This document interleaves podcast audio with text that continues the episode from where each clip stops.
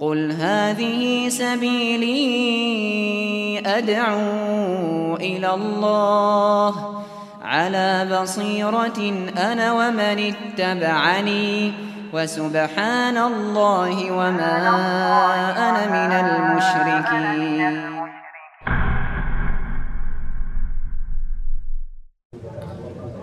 بسم الله الرحمن الرحيم السلام عليكم ورحمة الله وبركاته وعليكم السلام ورحمة الله Alhamdulillah wassalatu wassalamu ala Rasulillah wa ala alihi wa man tabi'ahum bi ihsan ila yaumiddin. Allahumma inna nas'aluka ilman nafi'a wa rizqan thayyiba wa amalan mutaqabbal. Baik, eh, para jamaah sekalian, sekarang kita masuk sesi ketiga. Judulnya tentang sihir. Ma ja'a fi sihri yaitu tentang permasalahan sihir. Sengaja sihir ini dibawakan oleh Syekh Muhammad bin Abdul Wahab dalam kitab ini karena syirik itu biasanya ada kalau seseorang berbuat syirik terlebih dahulu. Atau dalam sihir itu ada bentuk kesyirikan baru orang mendapatkan sihir. Bisa nyantet orang lain, bisa menyihir orang lain itu kalau berbuat syirik terlebih dahulu. Maka ini penting untuk dibahas. Sekarang kita baca dari dalilnya dulu, nanti baru saya akan terangkan tentang beberapa hal tentang sihir. Nanti akan saya jelaskan di uh, setelah pembahasan ini. Baca dulu, Allah Ta'ala berfirman. Allah Ta'ala berfirman Langsung masuk pada, pada ayat nggak baca ta'awuz. Walau qad alimu laman ishtarahu ma lahu fil akhirati min khalaq Sesungguhnya mereka telah meyakini bahwa barang siapa yang menukarnya kitab Allah dengan sihir itu tidaklah mendapatkan keuntungan di akhirat. Quran surat Al-Baqarah ayat 102. Sesungguhnya walaqad alimu laman ishtarahu ma lahu fil akhirati min khalaq. Sesungguhnya mereka telah meyakini bahwa barang siapa yang menukarnya yaitu kitab Allah dengan sihir tidaklah mendapatkan keuntungan di akhirat. Garis bawahi menukarnya dengan sihir tidaklah mendapatkan keuntungan di akhirat. Menukarnya dengan sihir tidak mendapatkan keuntungan di akhirat.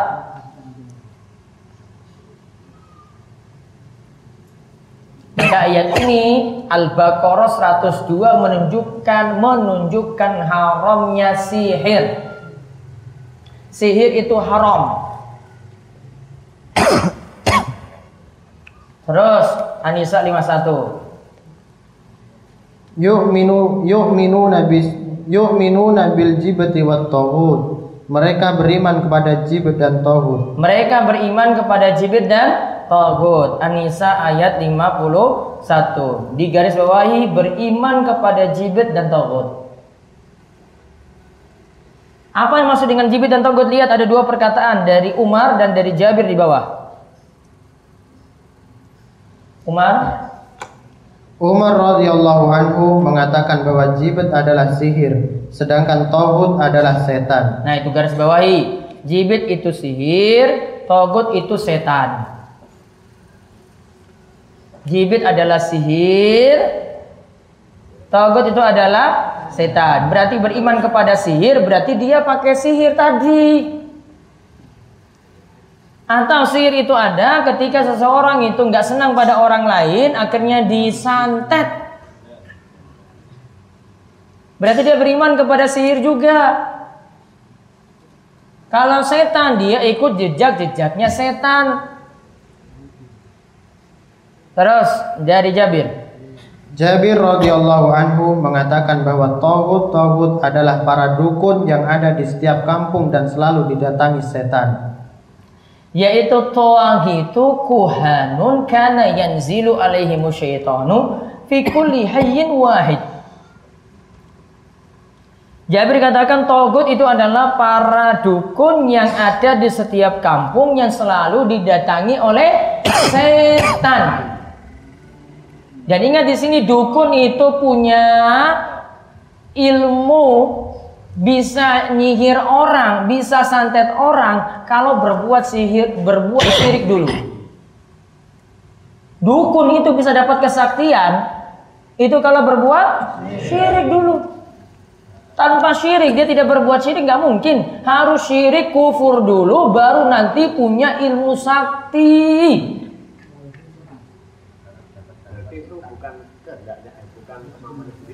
Bukan. Ada dulu dia berikan tumbal. Berikan syarat-syarat dulu. Ya. Sama seperti orang punya tuyul juga sama seperti itu. Nggak mungkin gratis. Nggak ada pak. Gratis-gratis kayak gitu zaman ini. Apalagi di 2017 toiletnya saja larang mau dapat pelayanan dari jin gratis, tuyul gratis, orang mungkin. Gak mungkin gratis. Ada tuyul, itu kalau ada yang punya tuyul, itu mesti nenek dari istrinya sendiri coba. Ingin dapat kesaktian tadi dari jin, itu tumbal-tumbal syarat-syaratnya itu berat loh. Ada yang hinakan Al-Quran dulu, ada yang injak-injak Al-Quran dulu, ada yang nulis ayat buang di solokan dulu. Ada yang pakai pengisian dulu. Tahu orang sakti-sakti itu yang punya ilmu-ilmu sakti itu mukulnya itu kuat sekali. Atau pukulan dari jauh. Wah itu orangnya targetnya. Tuk, wah langsung urr, mundur. Pernah lihat kayak gitu? Di TV sering kan? Itu semua punya jin-jin dalam tubuh itu. Sihir-sihir yang dipakai, itu ada pengisian dulu loh pak. Gak mungkin manusia seperti itu orang normal. Masa dari jauh itu bisa kena pukulan? Masa cuma mandang seperti ini, mandang saja langsung sudah KO gitu. Uh, sakti sekali. Kanjeng Nabi saja nggak bisa seperti itu. Nabi nggak bisa loh seperti itu. Nabi kena luka juga loh. Kemarin sudah kita bahas. Nabi ikut perang Uhud kena luka. Ini kok mukul dari jauh sekali. Ya. Ada kan ilmu tenaga dalam ada kan? Hmm, itu bukan tenaga dalam, itu tenaga saking setan. Di rukiah harus itu di rukiah itu. Memetu kabeh iki setan-setannya. Ya, jadi togo di sini dukun yang sering didatangi se setan. Setan itu beri syarat-syarat dulu loh bapak. Nggak mungkin gratis syirik dulu, kufur dulu. Nggak ada dukun yang sholat tuh nggak ada. Kalau sholat bersolatnya bener itu. Sholat malah ngadap nanti ngadapnya ke laut selatan nanti sholatnya itu. Itu. Terus Abu Hurairah. Abu Hurairah menutur, menuturkan bahwa Rasulullah bersabda. Terus artinya Jauhilah tujuh perkara yang bisa membinasakan. Para sahabat bertanya, Wahai Rasulullah, apakah tujuh perkara itu? Nabi menjawab, syirik kepada Allah, sihir, membunuh orang yang diharamkan Allah kecuali dengan alasan yang dibenarkan Islam, makan riba, makan harta anak yatim, lari dari medan perang dan melontarkan tuduhan berzina kepada wanita yang beriman, suci dan selalu menjaga diri dari dari perbuatan itu. Nah, ijtanibus sab'al mubiqat, jauhilah tujuh dosa yang membinasakan. Apa itu wahai Rasulullah? Rasul jawab satu, syirik. Dua, sihir. Satu dulu nggih, berarti ini yang paling parah yaitu syirik. Yang kedua apa? Sihir. Karena sihir itu punya kaitan dengan syirik, maka disebutkan berbarengan. Tiga, bunuh orang yang diharamkan oleh Allah kecuali dengan alasan yang dibenarkan. Kalau alasan yang benar, bunuh orang bisa seperti ada yang selingkuh, sudah nikah, dirajam sampai mati. Kok bisa dirajam sampai mati? Kenapa enggak dipenggal saja lehernya? Kenapa enggak langsung? Karena kalau orang itu selingkuh, enaknya itu lama, atas sampai bawah itu enak. Makanya kalau langsung dipenggal lehernya, hukumnya nggak imbang. Iya kan? Nggak imbang, dari atas sampai bawah nikmat terus dia dapati. Maka dilempar pakai batu terus, terus, terus, terus sampai mati. Namun bukan kerikil batunya. Kerikil sampai kapan mati? Hukumnya tidak dilakukan sembunyi-sembunyi, terang-terangan dibuka. Wahai para jamaah Jumatan, bar sholat Jumat, wonten hukuman rajam. Ini bapak ini itu selingkuh.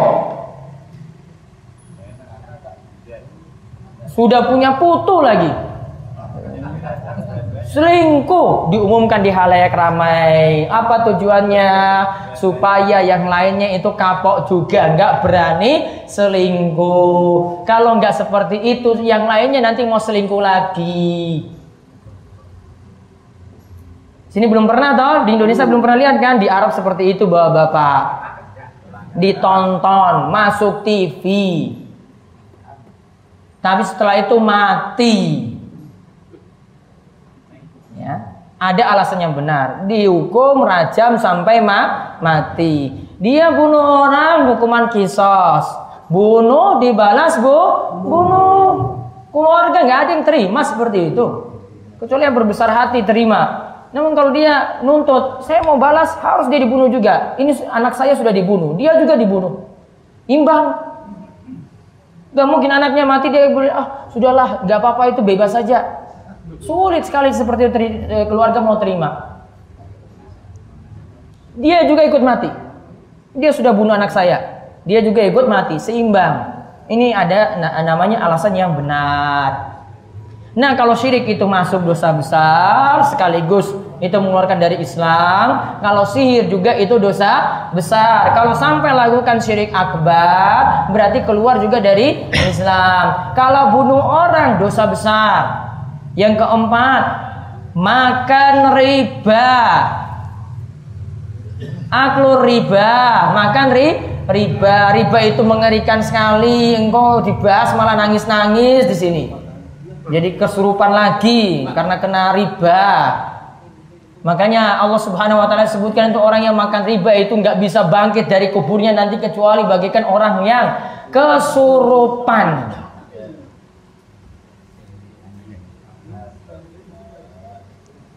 Sekarang itu gaya hidup aja, pingin cepat dapat motor, pingin cepat dapat mobil, pingin cepat punya rumah. Akhirnya gara-gara gaya hidup saja cari utangan yang ada cuma dengan cara ri, riba. Kena laknat, enggak berkah. Namun kita kan biasanya enggak sabar. Ada yang mau sabar enggak enggak punya rumah? Berkontrak tok di sini tinggal di kota terus ngontrak. Ada yang mau bertangga seperti itu? Rumahmu di mana Pak? Aku ngontrak nih dulu Pak. Ada nggak yang mau? Wah isin zaman kayak begini ngontrak. Mendingan ngontrak dibandingkan makan riba. Mendingan pakai sepeda ontel dibandingkan dengan numpak motor kredit. itu loh sudah sakit agak bahas riba ya nggak bisa bangkit bangkit nanti kalau tak bahas riba Reso mulai. Sesok wae nih, bahas ahad kliwon nanti dengan satu hari. Main tobat kabeh orang ngutang meneh. Ya, sesok ahad kliwon nggih, hadir kowe. Terus yang keberapa itu? Makan harta anaknya yatim. Dosa besar juga. Dia tidak boleh ambil berlebih. Cuma sebatas kebutuhannya saja. Kalau memang dia butuh. Kalau dia uang suki nyantuni anak yatim. nggak boleh dia ambil harta anak yatimnya. Ini bagi orang yang butuh saja. Itu orang miskin. Kemudian lari dari medan perang. Pengecut berarti. Termasuk juga di sini yang terakhir kozab menuduh wanita yang baik-baik selingkuh. Termasuk dia nuduh istrinya sendiri selingkuh tanpa bawa bukti.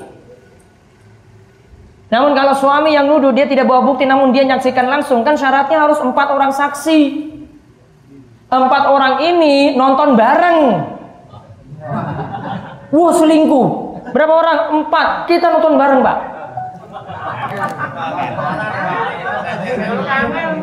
Nonbar, nonton bareng. Oh itu Pak, kami lihat kemaluan ketemu kemaluan nyata Pak, nggak ada yang batasi kami. Berapa orang? Empat saksi diterima. Kalau cuma satu belum. Kalau dia tidak bawa saksi tadi, cuma lihat sendiri, berarti kalau ini suaminya harus berani bersumpah di pengadilan bahwasanya saya telah melihat, saya telah melihat istri saya itu berzina. Kalau saya itu bohong, laknat Allah untuk saya. Kalau istrinya nggak mau bersumpah, nggak mau balas ini, oh berarti istrinya salah, dihukumi, rajam. Namun kalau istrinya mau bersumpah lagi, demi Allah yang dikatakan suami saya itu dusta. Seandainya suami saya benar, maka laknat Allah nanti untuk saya. Wah suaminya sudah nggak bisa berapa ini buat apa-apa lagi. Dan ketika itu langsung pisah, nggak boleh balik-balik lagi pisah ranjang, nggak boleh kembali lagi selamanya. Itu namanya hukum li'an, saling laknat. Cuma terjadi di pengadilan. Ini yang paling berat sekali kalau yang terakhir ini. Putusannya paling berat. Untuk kali ini, bapak-bapak bisa ikut pengawasan dengan ibu-ibu. Bawa istrinya ikut pengawasan di pelayan setiap Sabtu Kliwon dan Sabtu Legi. Biar suaminya nggak selingkuh, istrinya nggak selingkuh. Karena itu membahas masalah perselingkuhan terus. Ternyata ketika bahas itu, kasus-kasus perselingkuhan di Gunung Kidul terbongkar. Banyak ya. Ada yang curhat-curhat wah Ustadz ini suaminya suami saya itu wes sepuh. Kena penyakit gula Ustadz. Namun dia selingkuh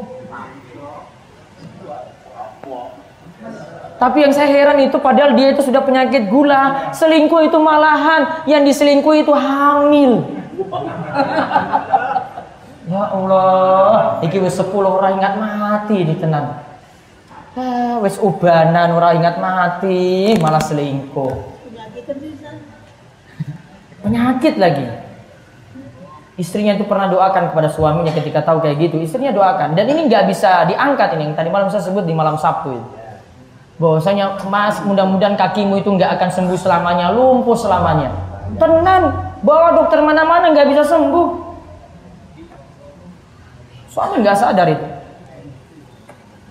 Inilah tujuh dosa besar.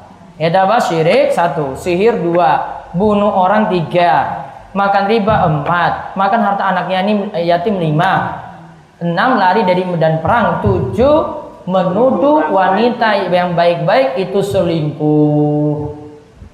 Terus dalam hadis yang marfu. Dalam hadis yang marfu dari Jundab dikatakan haddus sakiri dorbatun bisaifi Hukuman bagi tukang sihir adalah dipenggal dengan pedang. Hukum tukang sihir itu dipenggal lehernya mati. Beda dengan di Indonesia. Beda dengan di negara kita. Hidup nggak? Di Arab ini nggak akan hidup kalau di Saudi. Tahu itu oh itu yang biasanya nyantet orang pak. Wah di, diperiksa macam-macam sana sini siap-siap dapat hukuman mati. Dan tadi saya bilang biasanya diumumkan pada hari Jumat. Bapak-bapak para jamaah Jumatan ini ada yang akan dieksekusi mati kasusnya karena jadi tukang sihir. Pernah ada kasus yang juga mau membawa sampai eksekusi mati juga cuma gara-gara motong kiswah Ka'bah. Kain Ka'bah itu dipotong. Itu kalau alasannya untuk sihir, siap-siap kena hukuman mati. Kalau itu tujuannya ngambil kiswa Ka'bah tadi untuk apa? Nyantet orang. Oh, siap-siap itu. Untung dibela sama kedutaan Indonesia loh di sana. Kedutaan Indonesia kasihan sama warganya sendiri. Harusnya itu warganya dididik baik-baik, akidahnya itu dibetulkan, biar nggak percaya-percaya sama gitu-gitu terus. Jadi kan belum tahu kelakuan TKW TKW di sana itu di luar negeri. Ya, ada yang cuma manut sama kiainya saja, Katanya untuk biar majikannya itu senang sama pembantunya ini, sekali-sekali diberikan air kencing itu di tehnya. Di, atau di air minumnya. Pas lagi minta wedang putih. Dikasih apa? Pipis tadi katanya.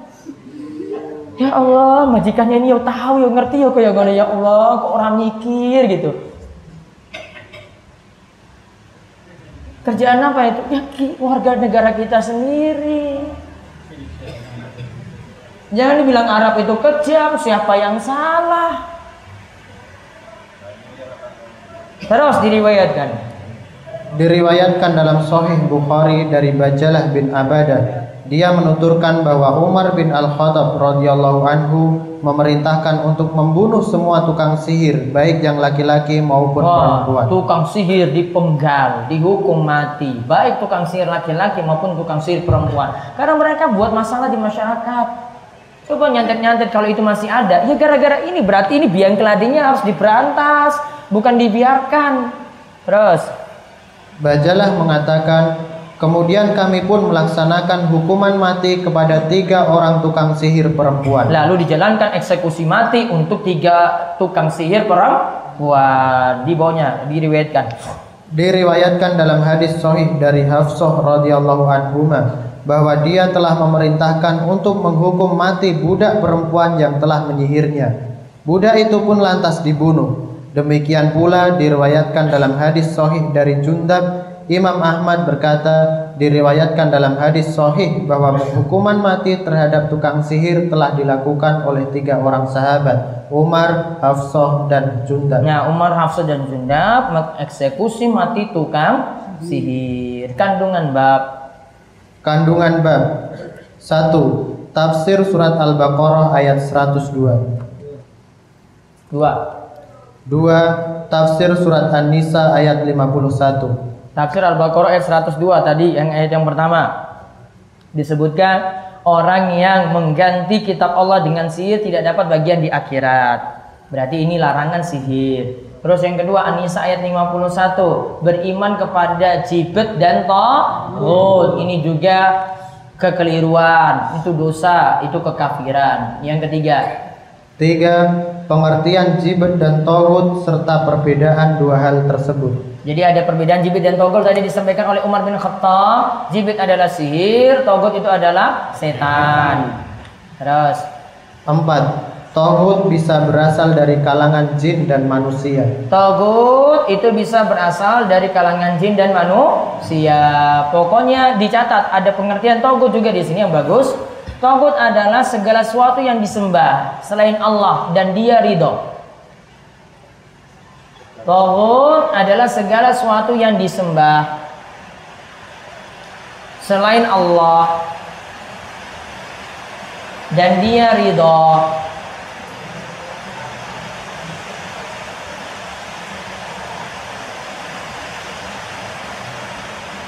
Berarti kalau ada kalau ada orang soleh dia itu ridho kakinya itu disujuti oleh orang lain. Senang seperti itu dia wah kamu sujud saja di sini ulas-ulas kaki saya minta pada saya saja. Nah itu namanya togut namun kalau ada yang disembah namun dia tidak ridho contohnya siapa? Nabi Isa. Nabi Isa disembah kan? Namun Nabi Isa ridho enggak? Tidak. Maka bukan togut Syekh Abdul Qadir Al Jailani Pernah dengar nggak? Ila hadrati Syekh Abdul Qadir Al Jailani sering tak? Nih. Dia diagung-agungkan berlebihan. Ada yang minta doa kepada Syekh Abdul Qadir Al Jailani, namun dia tidak ridho. Berarti bukan tohut. Ada yang datang ke kuburan imam-imam besar, mungkin datang ke kuburan Imam Syafi'i, minta pada Imam Syafi'i, doa di situ minta pada Imam Syafi'i. Imam Syafi'i tidak pernah ridho. Berarti Imam Syafi'i bukan toh togut. Pokoknya catatannya di situ dia diibadahi dan dia itu ridho senang ada orang yang datang ibadah untuk dia. Itu namanya togut. Terus Lima, mengetahui tujuh perkara yang bisa membinasakan yang dilarang secara khusus. mengetahui tujuh perkara yang bisa membinasakan yang dilarang secara khusus. Tadi ada tujuh tadi dari syirik, sihir dan seterusnya. Terus enam, Enam, tukang sihir dihukumi kafir. tukang sihir dihukumi kafir. Terus ya karena di antara hukumannya dia kafir keluar dari Islam. Ya, dia di, kafir keluar dari Islam hukuman mati. Terus yang ketujuh. Tujuh. Tukang sihir dihukum bunuh tanpa harus diminta untuk bertaubat. Pokoknya dia sudah lakukan sihir, walaupun dia sudah bertobat tetap dihukumi mati. Karena dia khawatir karena nanti dia balik lagi. Ilmunya balik lagi seperti itu. Atau dia pura-pura bertobat. Maka pokoknya dipenggal mati. Ini kata Syekh Muhammad bin Abdul Wahab. Yang delapan. Delapan. Tukang sihir ini telah ada di tengah-tengah kaum muslimin pada zaman Umar Lantas bagaimana keberadaan mereka pada zaman yang sesudahnya tentunya akan lebih banyak lagi. Nah tadi kan ada berapa dieksekusi Umar itu? Tiga. Itu ada di zaman Umar seperti itu. Zaman sekarang, kalau dulu itu orang-orang solehnya banyak. Zaman sekarang berarti lebih banyak lagi tukang sihir yang nyantet orang itu lebih banyak. Sekarang catat tentang masalah sihir. Ini penting biar nggak kena santet nanti.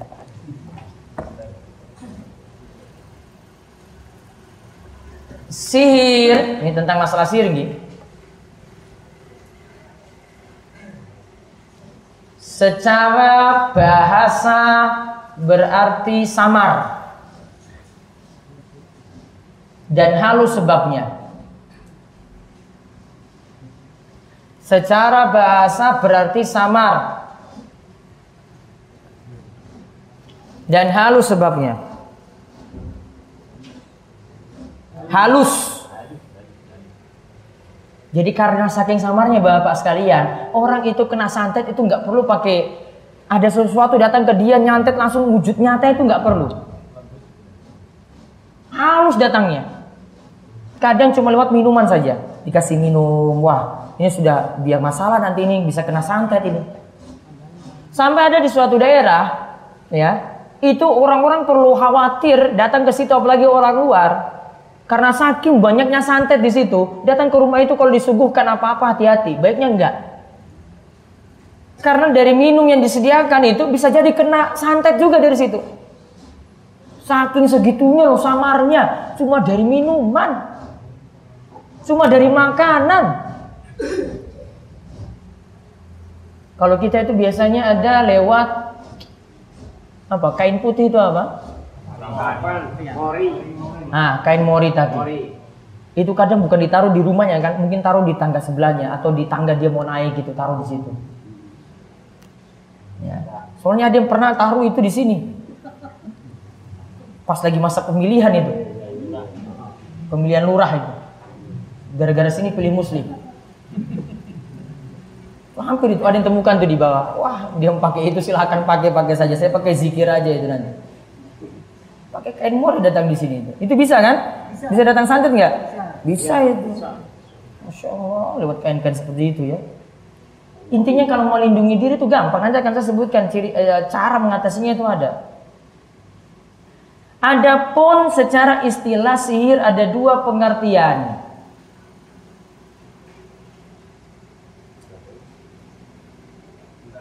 Adapun secara istilah sihir itu ada dua pengertian. Satu, wujudnya mantra.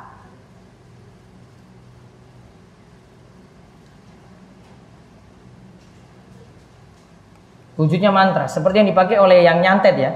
Dia baca-baca mantra tertentu untuk datangkan jin, untuk datangkan setan di situ. Ciri-cirinya gampang kalau mau tahu itu bacaannya bermasalah. Ini kok, kok mulutnya komat kamit kok jelas ini. Orang ayat Quran, orang hadis, orang doa-doa, kok sebut seperti ini seperti ini. Wah ini aneh nih saya sampai pernah baca ya ini ternyata untuk melet orang doa ini. Untuk melet orang itu pakai bahasa Arab juga. Namun saya teliti lagi ulang-ulang sini. Ya Allah ini ternyata ini untuk tundukan orang di sini. Ya Allah tundukkanlah dia seperti engkau menundukkan seperti Fir'aun itu ditundukkan oleh Musa Wah ini untuk nyantet orang seperti ini nih bacaannya ini. Walaupun dia pakai Arab loh, namun lihat artinya itu seperti apa. Saya pernah search di internet itu, saya mau pakai doa ini, saya mau cari doa gini. Saya baca baik-baik ulang-ulang. Ya Allah ini untuk nyantet orang nih doa ini. Ulang pakai bahasa Arab loh, gara-gara nggak paham arti. Coba kalimatnya aja tundukkan dia seperti Fir'aun itu ditundukkan oleh Musa. Apa kalau nggak untuk nyantet orang ini untuk apa istilahnya melet orang kalau untuk laki-laki perempuan kan? Iya kayak gitu. Ada yang saya carikan doanya itu kalau kalian nggak percaya ini. Ada dua ada kayak gini tersebar di internet untuk naklukkan orang. Bahasa Arab ini. Bahasanya jelas. Ini wujudnya mantra. Bacaan-bacaan. Yang kedua, bentuknya adalah obat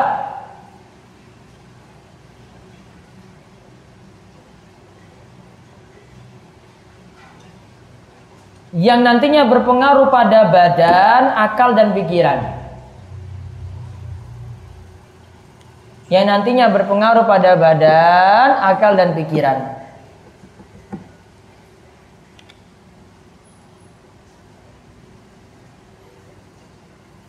Contoh di sini, yang kedua ini contohnya untuk melet. Itu biasanya ada yang yang diminum nggak? Konten gini? Nah itu. Bentuknya seperti ramuan. Kalau istilah orang Arab, ini istilah bahasa Arabnya namanya sorof dan atof. Yaitu obat yang membuat orang lain itu tertarik ke kita atau nggak senang ke kita. Jadi kalau dia mau melihat perempuan ini dia kasih sesuatu minuman gitu, sudah di dicelupin mantra eh, apa tadi obat-obat atau ramuan tadi dimasukkan situ. Atau ingin membuat rumah tangga itu retak, pakai seperti itu juga. Jadi sihir ada dua. Ya dari sisi uh, ini bukan wujudnya ya, namun dari sisi asalnya itu ada yang pakai mantra-mantra sehingga sihir itu masuk, ada yang pakai obat atau ramuan. Dan ingat sihir itu pengaruhnya macam-macam nantinya Bapak-bapak. Ada sihir itu kata para ulama bisa buat orang jatuh sakit, ada yang bisa buat orang tuh jadi gila, ada yang bisa sampai mati. Santet orang bisa seperti itu. Terus yang berikutnya lagi. Ini hukum sihir. Maaf. Ditulis lagi sihir itu benar dan nyata. Sihir itu benar dan nyata. Dalilnya surat Al-Falaq ayat 4. Surat Al-Falaq ayat keempat. Apa bunyinya? Wa min syarrin fil uqad dan dari kejahatan wanita tukang sihir yang mengembus pada bulbul. Bulbul itu mantra-mantra mereka. Berarti karena disebutkan sini kita meminta perlindungan dari sihir semacam ini, dari tukang sihir semacam itu, berarti sihir itu ada. Ngapain ini dibaca? Sebagian kalangan menolak sihir sampai mengatakan sihir itu nggak ada, sampai mengatakan kesurupan cuma penyakit biasa. Nggak benar keyakinan seperti itu. Menyelisih keyakinan Ahlussunnah wal Jamaah. Jadi kalau ada yang punya keyakinan santet nggak ada, sihir itu nggak ada, jin itu nggak ada, kesurupan nggak ada, nggak benar pemahaman kayak begitu. Salah. Bukan bilang lagi ini salah, bukan bilang itu ada beda pendapat, nggak ada beda pendapat dalam masalah ini, itu salah. Soalnya ada seperti ini muncul di eh, di sebuah radio muncul pemahaman kayak gini, sihir nggak ada, ya santet itu nggak ada jin itu nggak ada kesurupan nggak ada nggak benar. Nyatanya itu ada.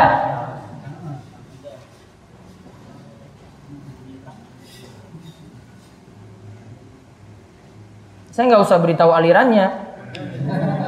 Sudah ada jenengan paling sudah pernah dengar seperti ini. Mudah-mudahan itu timbang-timbang kalau dengar kajian kayak gitu. Kajian itu bukan bersumber saja dari Al-Quran loh dan juga bukan hanya bersumber dari terjemahan Al-Quran. Kita punya kitab loh, ini ulama itu punya rujukan tafsir itu nggak sembarangan loh. Tadi aja Imam Syekh Muhammad bin Wahab sebutkan tadi, ini ini perkataan Umar. Umar tafsirkan ayat. Ini perkataan Jabir. Jabir tafsirkan ayat tadi, Jibir dan Togut kan? Ya. Gak bisa tafsirkan sendiri. Jenengan sumbernya sama terjemahan saja gak bisa, Bapak. Makanya hati-hati kalau ngaji cuma Al-Quran terjemahan itu tanda tanya. Dia nanti versi dia tafsirkan. Oh terjemahannya kayak gini. Oh perasaan saya ini artinya seperti ini loh. Hati-hati. Kita ngaji itu bukan seperti itu. Sumbernya ada jelas. Ada Al-Quran. Al-Quran perlu dipahami dengan pemahaman yang benar. Ya, ada pemahaman sahabat untuk tafsirkan tadi. Ini semua Abdul Wahab, masya Allah, gak pernah pakai perkataan beliau sendiri loh di sini. Apa yang disebut tadi dalam tafsirnya? Jibet, siapa yang ngomong kan? Togut, siapa yang ngomong kan? Nah itu sama kalau ada ustadz tafsirkan sesuatu, itu dapat dari mana pak? Tanya, kitab tafsirnya apa? Kitab tafsir banyak. Jadi kalau cuma, wah kok dia terjemahannya gini dia atirkan sendiri. Ya, jadi kan harus was-was itu hati-hati itu. Soalnya kalau cuma sumber seperti itu banyak pemahaman yang keliru. Sampai nolak syafaat. Yang pernah saya bahas ketika kajian malam ini saya tegas dalam hal itu. Kalau orang itu nolak sampai mengatakan orang muslim sudah masuk neraka nggak mungkin keluar-keluar lagi. Wah ini jelas-jelas fatal ini pemahamannya. Saya pernah sampaikan kepada ini juga Profesor Yunal Ilyas juga ini tentang masalah ini. Pak, itu itu pemahamannya fatal sekali loh Pak. Itu nyelisih akidah alusunnah kayak begitu. Apa pemahamannya? Wong dia bilang orang muslim masuk neraka nggak bisa keluar-keluar lagi. Itu fatal itu. Nggak ada ulama yang berbeda dalam hal ini. Semuanya sepakat loh. Orang muslim masih punya iman, tetap masih bisa keluar dari neraka. Masih punya iman bapak-bapak. Masih punya iman. Kita bukan membicarakan tiang kafir. Sedangkan ayat yang katakan Orang kafir tidak mungkin keluar lagi dari neraka. Bagaikan unta yang masuk dalam lubang jarum. Lihat ayatnya itu bagi orang yang mendustakan Al-Quran. Tiang kafir bukan muslim. Gak sembarangan tafsirkan Al-Quran Oh, saya nulis gini aja hati-hati itu kalau ngomong ini. Ini saya sumber dari mana ini? Saya nggak boleh tafsirkan sendiri. Makanya kalau jamaah tanya langsung saya nggak bisa. Saya pahami dulu nih, kecuali saya paham. Oh ini maksud kayak gini pak. Kalau enggak saya butuh buku, buka buku dulu, rujukan banyak. Ini cek sini, cek sini, cek sini. Ah, ini baru tahu artinya. Gitu. Kalau saya nggak bawa kitab saya nggak bisa. Tahu pernah dengar ayat ini, namun pemahamannya gimana? Saya takut salah. Dan ternyata saya dengan Umar berbeda. Siapa saya, siapa Umar bin Khattab? Kok saya jauh dari pendapatnya Umar?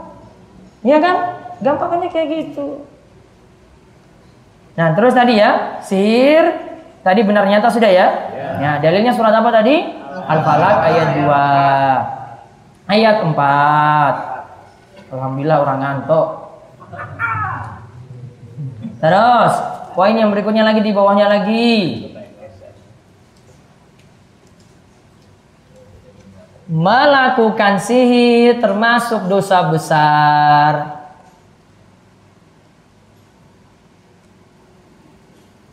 Dan pelaku sihir dihukumi kafir. Dan pelaku sihir dihukumi kafir.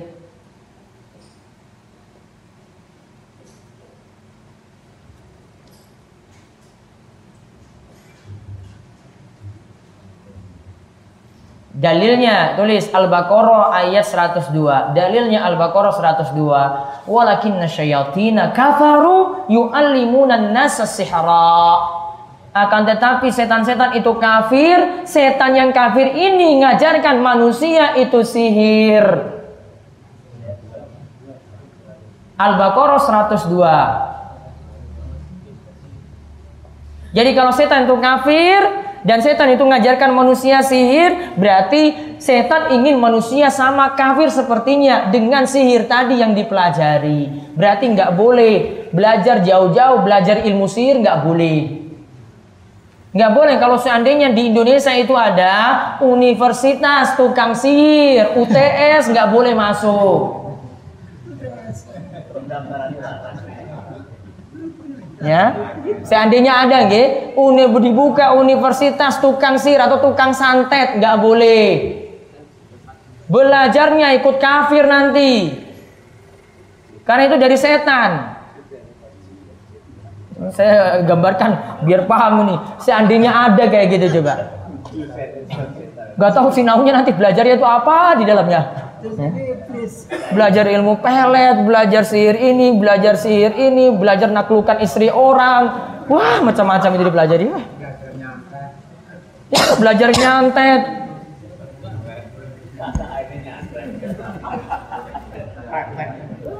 Terus, sekarang yang berikutnya. Tiga sebab terkena sihir. Tiga sebab terkena sihir.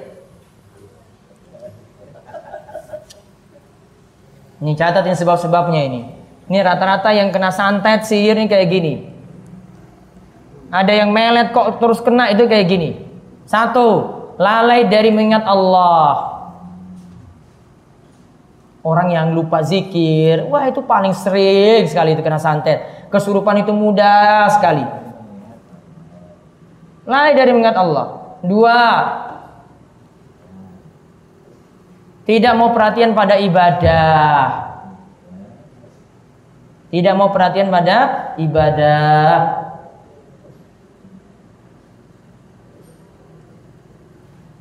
Coba tanya saja orang kesurupan itu. Tanya, sholat nggak pak? Saya belum sholat eh. Yo yo jelas, kancane setan kamu itu. Paling sering sekali kalau jenengan nggak percaya tanya. Sholat nggak apa? Wah sholatku masih bolong-bolong ya wes jelas pak.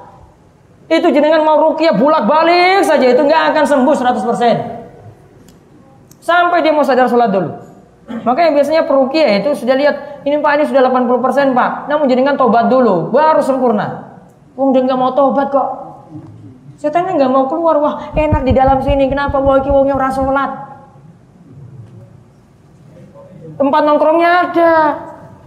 Kalau ini orangnya sholat, rajin ngaji, ikut pengawasan terus, ngaji kitab tauhid meneh coba. Pernah lu cuma gara-gara ini ada yang kumat-kumat di sini itu ada loh. Pernah saya lihat sendiri tuh, uh, itu kok kumat-kumat tangannya gerak-gerak sendiri tuh kepiye loh. Ada, guru ngaji kitab tauhid tok ini. Terus yang ketiga, tidak mau rutinkan bacaan zikir yang sesuai tuntunan.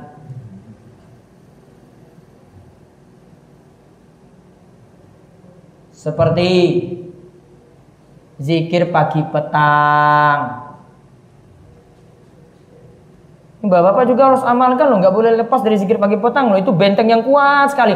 Jenengan nggak usah pasang-pasang jimat-jimat di kanan kiri pintu, nggak usah.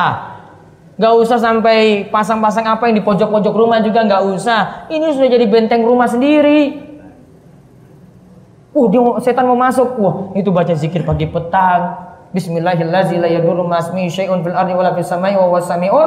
alim. Itu kata Nabi SAW tidak akan ada yang bisa memudaratkannya, membahayakannya itu sulit sekali.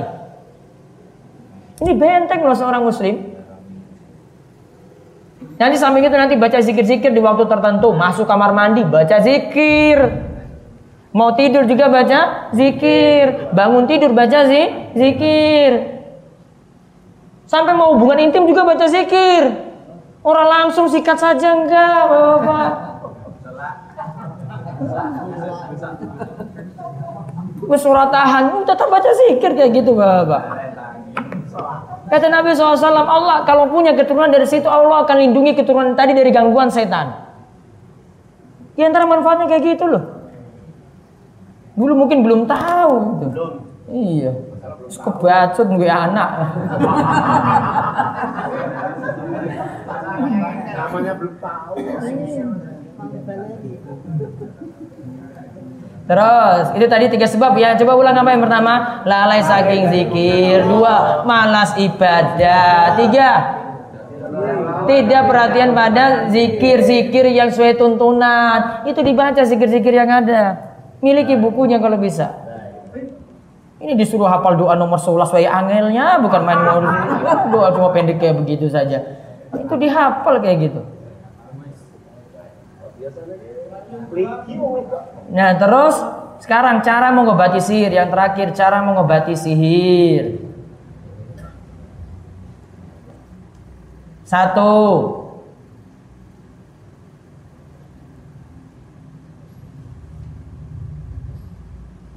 dengan pengobatan ruqyah.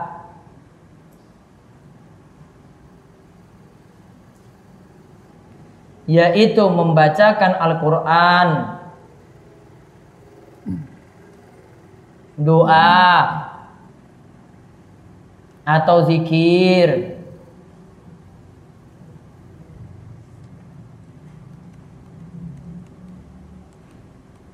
Namun ingat ya, kalau doanya bisa pakai bahasa apa pun, namun baiknya itu bahasa Arab untuk ini.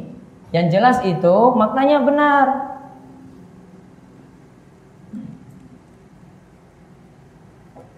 Kalau maknanya keliru nggak boleh bapak-bapak sekalian. Ini saya contohkan ini, doa ini meluluhkan hati tadi dari website-website yang sesat ini. Nah ini, kok bisa kayak gini? Tersebar di internet ya? Cuma saya search aja itu bisa gampang sekali masuk ke dua doa sesat itu. Doa untuk menaklukkan suami orang.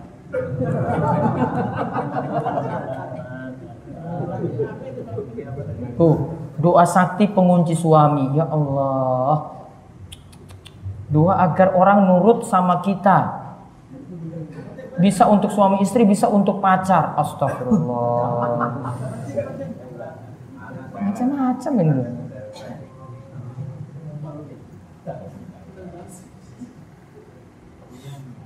Ngeri ya. Kayak begini itu doa-doanya itu ya Allah kiai kiai ini kok nggak tobat-tobat kayak gini ya.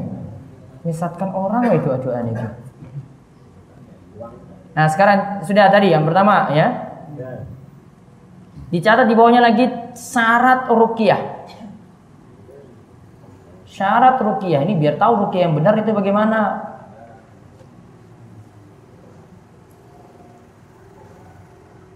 Satu, yang digunakan ayat Al-Quran. Yang digunakan adalah ayat Al-Quran. Atau doa-doa yang ada tuntunan.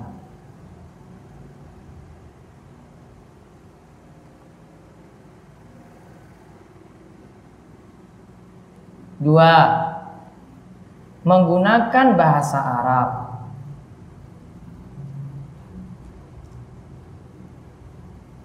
Menggunakan bahasa Arab.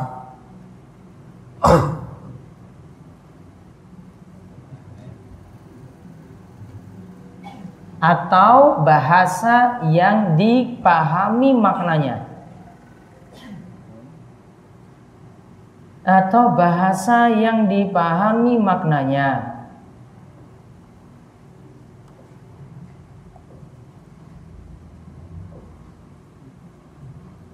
Tiga. Harus yakin Rukia bisa berpengaruh dengan izin Allah.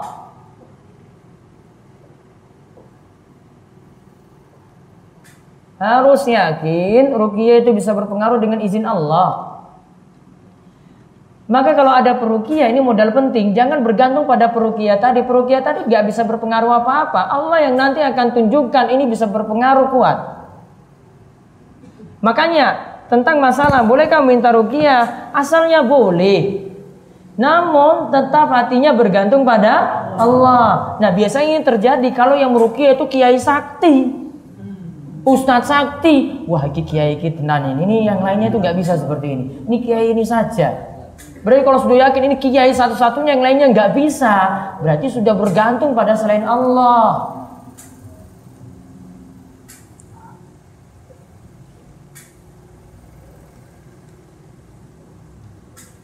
Nah, kemudian pengobatan yang kedua, cara mengatasi yang kedua. Tadi kan yang pertama apa? Rukiah, cara mengobati sihir. Yang kedua,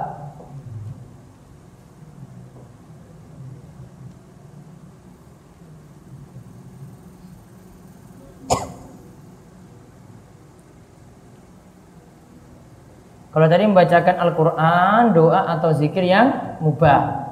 Yang kedua,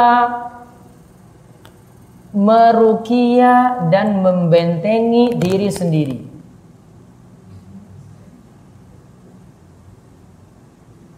Merukia atau membentengi diri sendiri.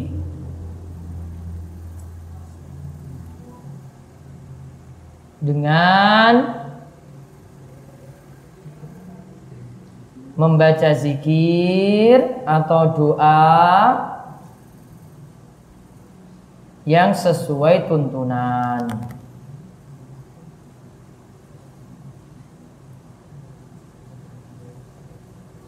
Ini nanti bisa ditemukan di buku 50 doa yang saya tulis ya. Ada doa seperti ini. A'udzu bikalimatillahi tammati min kulli syaitanin wa hammatin wa min kulli ainin lammatin. Ya, ini doanya untuk berlindung dari santet dan sihir. Allahumma inni maaf, auzu bikalimatillahi tammati min kulli syaitanin wa hammatin wa min kulli ainin lamatin. Artinya, ya Allah aku berlindung dengan kalimat-kalimat Allah yang telah sempurna dari godaan setan. Dari binatang beracun dan juga dari pengaruh ain. Yaitu pengaruh ain yang buruk. Ain paham ain? Apa ain? Pandangan mata nggih, mata jahat. Ada ini biasanya ada karena pengaruh orang juga. Orang ini mungkin dirukia itu lebih baik. Karena dia ini selalu kalau sudah hasad pada orang lain, maka misalnya ini dengan tetangganya ini punya anak, anaknya nangis-nangisan terus. Kena sawan.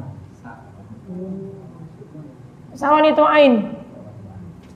Ini kok ditinggal dia itu kok lihat ini anak ini terus atau tadi lihat anak ini tidak tidak berzikir atau memuji Allah langsung cuma bilang wah anak ini cakep banget bu.